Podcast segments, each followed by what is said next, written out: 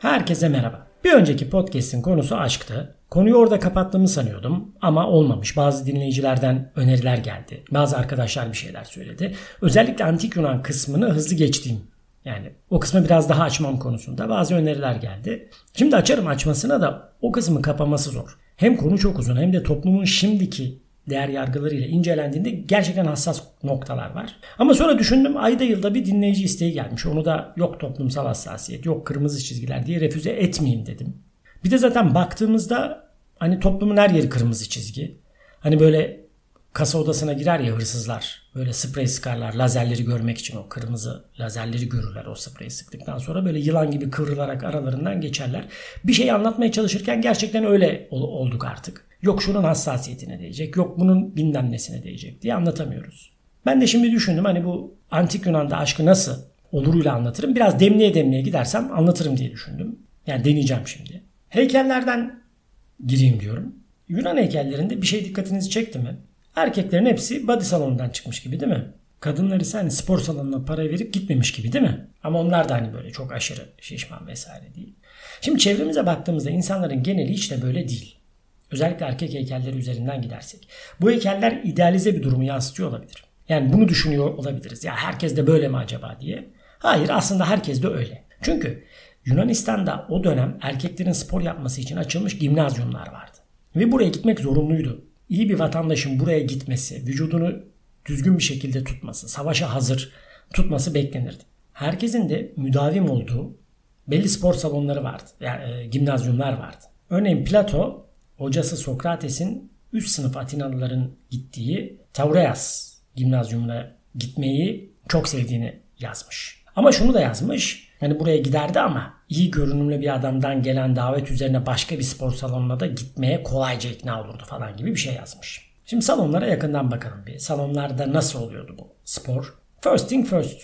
Lafı eğip bükmeyeceğim, direkt söyleyeceğim. Bu spor salonlarında, bu gimnazyumlarda çıplak çalışılıyordu.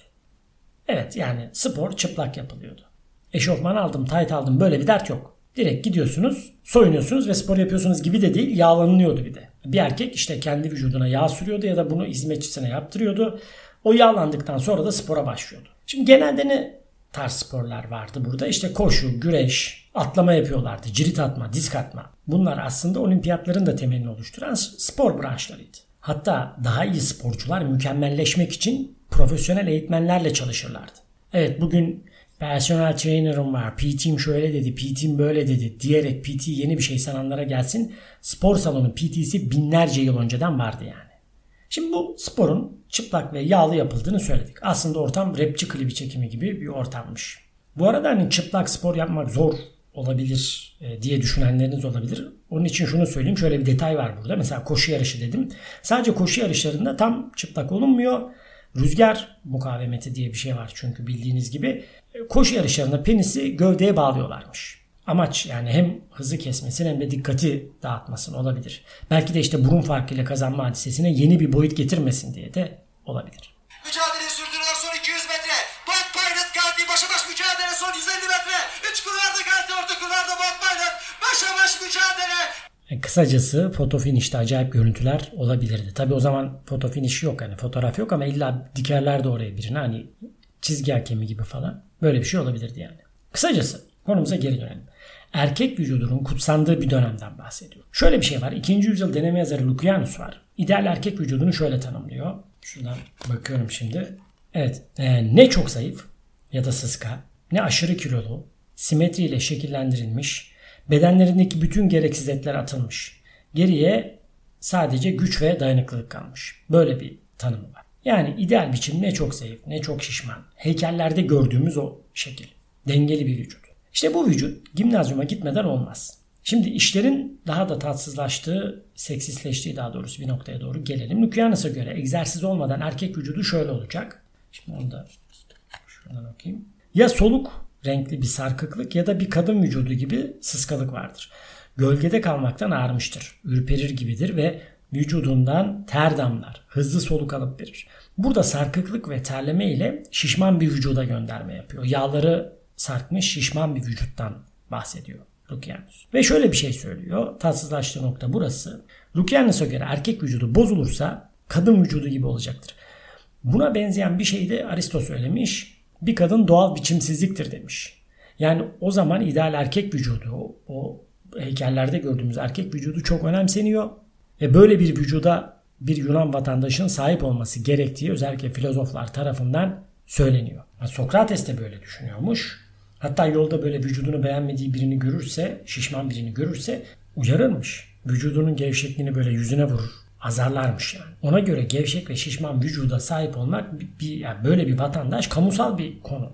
Böyle söylüyormuş. Kamusal bir konuymuş. Aslında şimdi hani böyle de bakınca Yunan erkekleri üzerinde ciddi bir baskı varmış gibi düşünüyorum ben. Şimdi şöyle düşünün her tarafta ideal heykeller var. Kabartmalar var. İşte hem tanrı heykelleri hem normal yurttaş heykelleri hepsi ideal vücutta. Yani subliminali sürekli sana çakıyor.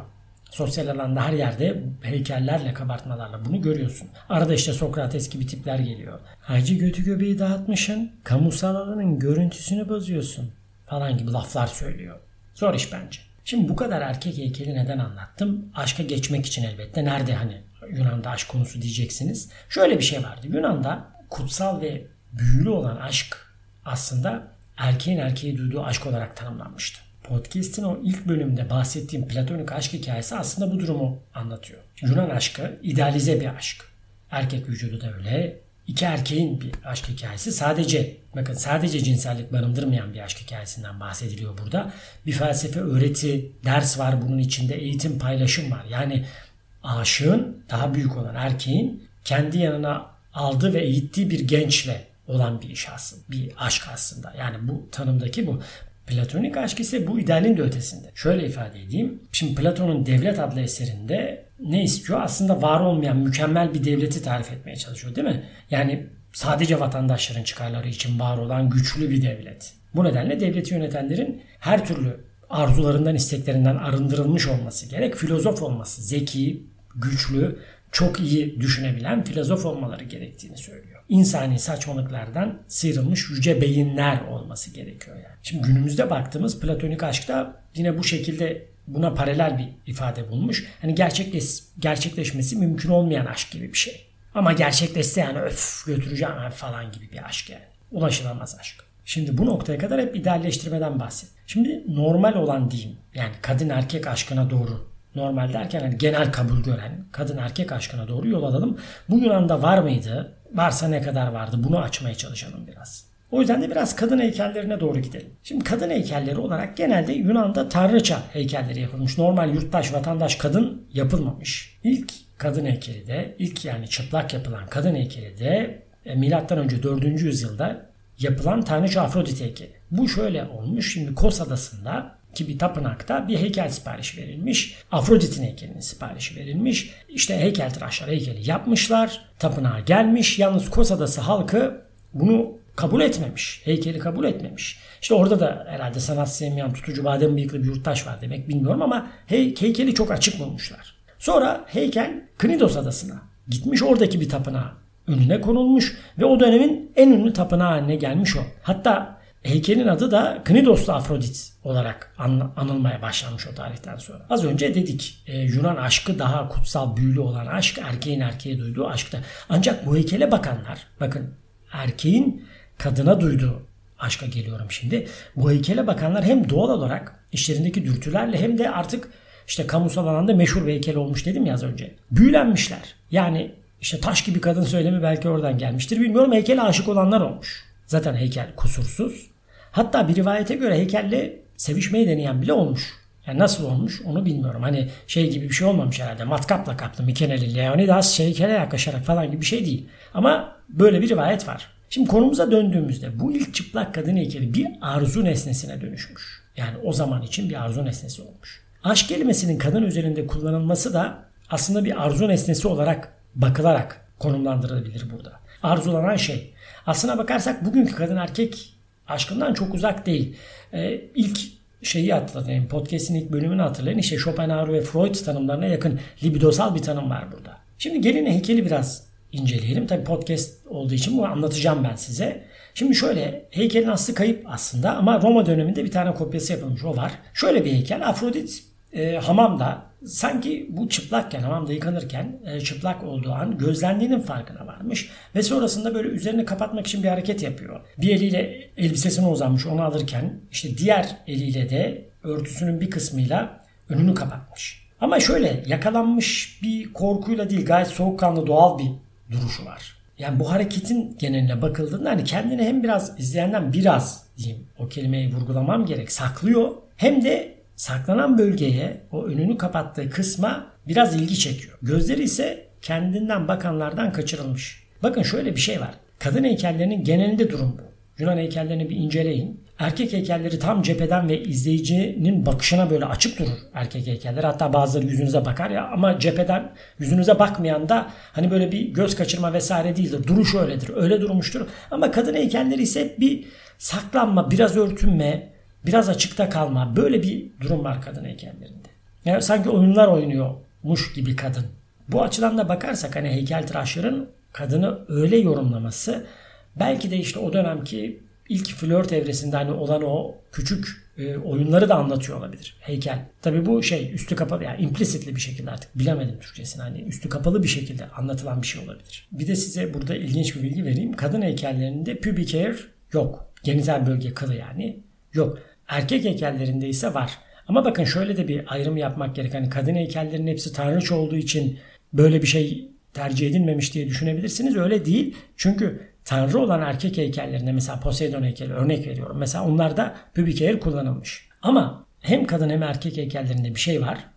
bir şey yok daha doğrusu. O da mesela koltuk altı tüyü yok. Çok azında göğüs kılı yapılmış. Yani antik Yunan'ın o dönemin kıl tüy tercihi heykeller aracılığıyla günümüze kadar gelmiş. Hatta bugünkü cillopluğumuzu o dönemin heykellerine borçluyuz diyebiliriz bence. Şimdi aşk konusuna yeniden dönelim. Ne dedik? O antik Yunan'daki yüce aşk erkeğin erkeği duyduğu arzudur. Ve bunu standart Atina sosyal beklentisinde nasıl ilerlemesi gerektiğini gösteren kurallar vardır. Şöyle mesela isimleri de var bunların. Arzu duyan erkeğe Eras sesleniyor. Bu aşık olarak çevriliyor. Arzulanan sevgili, arzu duyulan kişi ise Eramenos. O da şimdi bunların ikisi de vatandaş olması gerekiyor gerçekten. Yani e, ilk öncelik bu yani vatandaş olmaları. Bu sevgili olan Eremenos, Eremenos'a aynı zamanda oğlan da deniyor. Şöyle bir şey. Burada bir kural var. Çocukluğu bitmiş olacak, ergenliğe geçmiş olacak ama sakalı çıkmamış olacak. Eremenos'un aşığınsa yani ilk başta söylediğimiz aşığınsa aşık ise e, daha yaşlı biri. Ve burada Erastes yani o dediğimiz aşık bunun bir görevi de bu yeni ergenlikten çıkmış erkeğe yol göstermek, onu eğitmek, bilgi vermek, bunlarla sohbet etmek ve tabii aşk yaşamak. Yunan aşkı aslında böyle şekilleniyor. Şimdi daha önce Eros'tan bahsetmiştim size. Aşk kokunu atan hani muzip bir çocuk vardı ya o Eros'a atfedilen aşk aslında daha çok arzuya karşılık gelen bir aşk. Arzu aslında. Ancak biliyoruz ki pek çok Yunan aşığı yanlışlıkla işte Eros'u da kullanmış. En derin duygular için Eros, Eros diye kullanmışlar ama bildiğimiz romantik aşk gibi değil Eros'un durumu. Yani yaz gelince Fedon'un mavi silibiyle teknede aşığım yanında olamasam da dediği aşk değil. Bunu cinsel bağlamda düşünmek gerek. Schopenhauer ve Freud'a yaklaşan yine daha önce dediğim gibi bir tanım bu. Antik Yunan'da bunu bir hastalık durumu olarak görüyorlar. Bakın ilk podcast'te aşka hastalık gibi, aşkın hastalık gibi görüldüğünden de bahsetmiştim. Yunanlar buna daha sert bir şey söylüyor. Yakıcı, zarar veren bir ateş. Böyle bir tanımları var. Tragedyalarda aşkı tam böyle anlatır. Yani Eros'un aşkını, Eros'u tam böyle anlatır. Mesela Asiklos şöyle diyor. Eros toplumun bütün kurallarını yıkar ve kötüye kullanır. Sofokles'te Eros adil adamların akıllarını adaletsizliğe doğru sürükler diyor toplumu yıkıma doğru sürükler diyor. Mesela Truva Savaşı'nı hatırlayın. Truva Savaşı'nın çıkmasına aşk sebep olmuştu. Biz nasıl baktık buna? Romantik baktık. Ne dedik? Şahane güzel, yüce bir aşk dedik işte. Paris, Helen'e aşık oluyor. Dünyanın en güzel kadını, kainat güzeli Helen'e aşık oluyor. Ve aralarındaki işte aşkı engellemeye çalışan adamlar var. Yoksa başka şekilde de okuyabiliriz bu hikayeyi. Aslında Paris'in cinsel dürtüsü için koca bir uygarlığın yıkılışı şeklinde de okuyabiliriz bu hikayeyi. Böyle okursak da aslında bu aşktan çok cinsel bir dürtünün ya da önlenemeyen bir arzunun bir erkeğin kendi önleyemediği arzusuyla bir ülkeyi travmaya sürüklemesi ya da yok etmesi gibi düşünebilirsiniz. Şimdi o heykele aşık olan Yunan'ı hatırlayın. Erdemli bir aşk mı bu? Bunu tartışabilirsiniz. İşte Yunanlar bunu tartışıyor aslında. Erdemli olan nedir? Kişisel kontrol.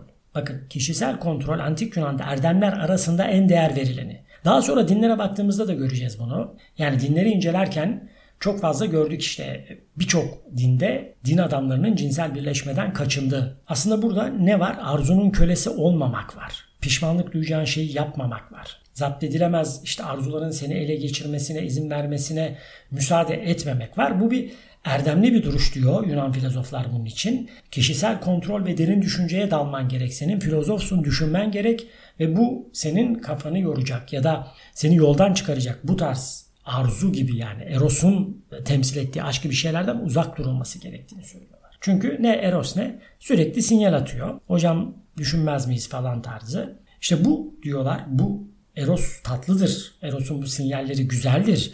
Ama bu acıdır aynı zamanda ve geçicidir. Güçten düşürür diyorlar. Ve sonu, sonu hep hüsranla biter. Bu tragedyaların geneli böyledir zaten. Tragedyalarda bir olay başlar bir acıyla sona erer ve bu acının sonunda bir yerlerde kesin Eros vardır. Yani bu Eros'un dahil olduğunun ideal Yunan aşkı olmadığını tekrar edeyim burada ki konu otursun. Peki evlilikler nasıl yürüyor? Evlilik genelde soyun devamı için yapılıyor. Aşk dürtüsüyle yapılan ya da işte Eros'la yapılan bir şey değil. Bir şirket gibi düşünebilirsiniz. Mesela Homeros'un Odiseis'i. Odysseus Penelope arasındaki ilişkiye bakın. Bu bir say- saygılı bir sevgi ilişkisi var aralarında ama tutkulu bir aşk değil. Mesela hiçbir zaman böyle bir şey yazılmamış ya da duyamazsınız. Seni seviyorum, seni istiyorum gibi kelimeler duyamazsınız. Karı koca arasında. Mesela Sokrates son anlarında erkek dostlarıyla birlikte tartışarak geçirmek istiyor. O sırada karısı yanında alıyor ve bunu uzaklaştırıyor. Bu muhabbete erkeklerle muhabbete devam etmek için. Ama şöyle de düşünmeyin yani Yunan erkeklerinin karılarına karşı sevgi dolu olmadığını ya da karşılıklı bir bağları olmadığını düşünmeyin. Bu anlama gelmesin. Aslında tam tersine. Karı ve koca arasındaki ilişki sürekli bir şekilde bir görevler ve saygı çerçevesinde gelişiyor. Evlilik ev halkı için bir karşılıklı desteğin temelini oluşturuyor. Zira antik Yunan'da ev halkının devamlılığı çok önemli. Aile kuşaklar boyunca güvenli bir şekilde devam etmeli. Bunu da güçlü bir evlilik ve rezil bir cinsel hayat sağlıyor anladığımız kadarıyla. Ve bakın neden karı koca arasında aşk ya da arzu olmamalıdır? Bu kısma geliyorum. Yani Yunanların bunu nasıl formülize ettiğini söyleyeceğim size. Çünkü bu arzu yani kocanın karısına karşı duyduğu arzu sadece trajik bir sonla bitebilir. Bakın tragedyalarda tekrar geliyoruz. Tragedyalarda işlenen konular da bu olduğu için hani toplumu gerçekten düzenleyen bir şey var burada. Mesela Seneca, Latin ahlakçı diye geçen Seneca şöyle demiş. Eşle bir aşık gibi sevişmek zina kadar iğrençtir yok artık diyenleriniz olabilir. Şöyle bir tutarlılığı var bunun. Kendi içinde şöyle formülize ediyorlar. Erkek evlilikte ne yapıyor? Bir, kendi kontrolünü sağlıyor. Yani kendi arzularını ket vuruyor. Böylece kendisine saygısını koruyor. Çevresi tarafından kendini bilen ideal bir vatandaş olarak tanımlanıyor. Karısını arzulamayarak da onu cinsel arzu nesnesi yapmıyor. Yani ona saygı duyduğu hayat arkadaşı ve ortağı olarak bakıyor. Bu tabi antik Yunan'ın idealleştirmeyle başlayan düşünceleri şu anki günümüz hem evliliği olsun hem aşk tanımı olsun bunlardan uzak tanımlar. Ne yaptık? Bugün heykellerden başlayıp Antik Yunan'da aşk nedir, nasıl algılanır, günümüzden farkı ne bunları anlatmaya çalıştım size. Başta dediğim gibi bu topa girmeyi hiç istemiyordum aslında. Zira dedim ya çok farklı noktalar var. Ba- belki bazılarınıza sert gelmiştir bu. Ama gerçek bu. Tabii konuyu açarken ideal insan, ideal vücut, idealizm gibi konulara da değinme fırsatı buldum. Belki ileride bu idealizmin nasıl modernizmin temellerini attığı konusunda bir podcast yaparım. Buna vesile olabilir bu. Evet size felsefe dünyasını sarsan şu söz ile veda edeyim bari. Batarken güneş ardından tepelerin veda vakti gelir teletabilerin.